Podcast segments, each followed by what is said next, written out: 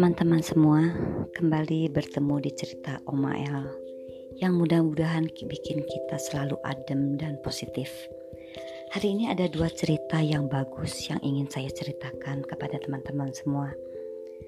Baik, kita mulai saja ya dari cerita yang pertama. Ini cerita tentang kejadian di satu sekolah. Saat itu sedang jam istirahat.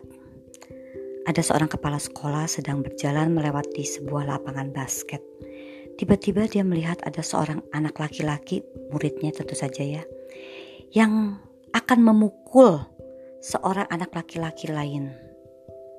Otomatis bapak kepala sekolah tersebut berteriak, "Stop!" untuk menghentikan pemukulan tersebut.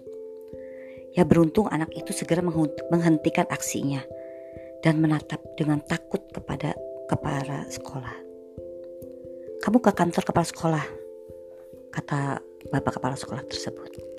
Anak itu sambil menunduk, dia akhirnya datang ke ruangan kepala sekolah.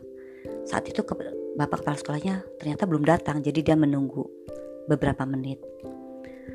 Kemudian setelah beberapa menit kepala sekolah tersebut datang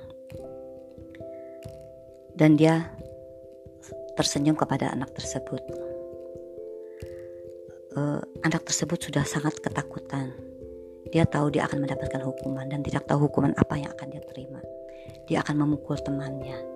Mungkin dia akan diskors, mungkin orang tuanya akan dipanggil, bahkan mungkin dia akan dikeluarkan dari sekolah. Pikirannya sudah yang aneh-aneh begitu ya. Tiba-tiba bapak kepala sekolah itu mengeluarkan satu butir permen dari kantongnya. Dia dia bilang, ini untuk kamu. Dia kaget sekali. Hah? Kok saya dikasih malah dikasih permen? Ini untuk kamu. Saya mengucapkan terima kasih kamu mau datang memenuhi undangan saya. Kamu mau saya tadi suruh kamu datang ke, ke kantor kepala sekolah dan kamu menurutinya. Saya mengucapkan terima kasih. Bahkan sebelum saya datang kamu sudah sudah datang. Ini permen untuk usaha sebagai ucapan terima kasih. Anak itu kaget. Apa nggak salah yang saya dengar? Lalu kepala sekolah itu mengeluarkan permen yang kedua. Ini permen yang kedua, kata dia. Ini juga untuk kamu. Saya mengucapkan terima kasih. Karena tadi kamu nurut apa yang saya bilang. Saya bilang kamu stop untuk memukul teman kamu. Dan kamu nurut apa yang saya perintahkan. Saya mengucapkan terima kasih dan saya sangat menghargainya. Ini permen yang kedua. Anak itu Gak habis pikir. Dia pikir dia akan mendapatkan hukuman. Lalu tiba-tiba kepala sekolah itu mengeluarkan permen yang ketiga. Ini permen yang ketiga untuk kamu. Tadi saya terlambat ke sini karena saya ingin cari tahu kenapa kamu ingin memukul teman kamu. Ternyata kamu itu ingin melindungi teman wanita kamu yang sering dibully oleh anak yang akan kamu pukul. Kamu ingin melindungi seorang anak perempuan yang sering dibully oleh teman kamu. Sikap kamu berjiwa satria. Ini permen yang ketiga. Dan tiba-tiba anak itu nangis. Cukup pak, kata dia. Walaupun apa pun alasannya saya tahu saya tidak boleh memukul teman saya itu. Ini yang permen yang keempat kata dia. Kata kepala sekolah itu.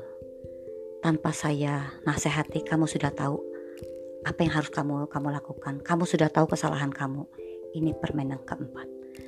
Dan kejadian itu merubah pemikiran anak itu sampai dia besar. Dia selalu bisa melihat sisi baik. Jadi ketika dia akhirnya dia menjadi seorang pimpinan, ketika bawahannya melakukan kesalahan, dia selalu ingat apa yang pernah dia alami. Dia juga melakukan ke, uh, hal seperti itu.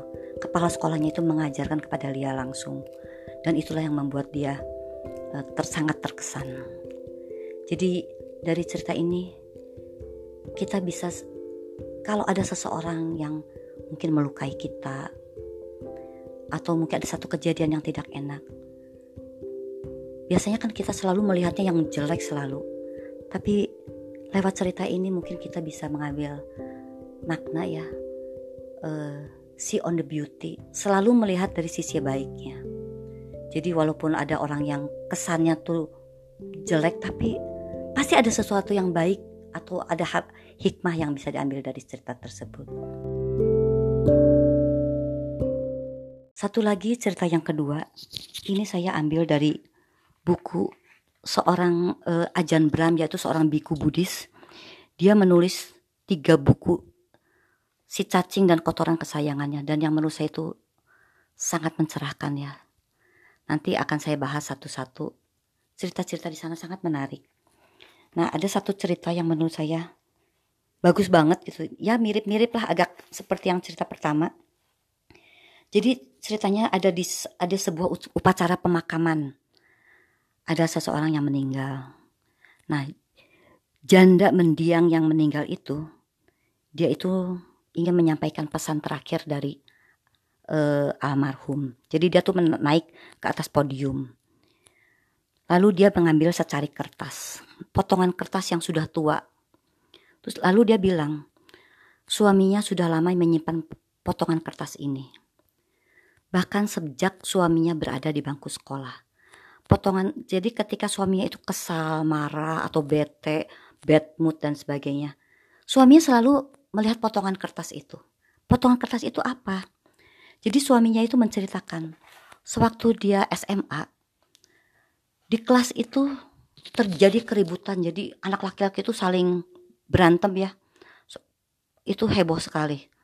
Berantem satu sama lain Tiba-tiba wali kelas datang dan menghentikan pertengkaran mereka. Stop katanya. Karena kalian berantem, saya akan menghukum kalian semua. Keluarkan kertas.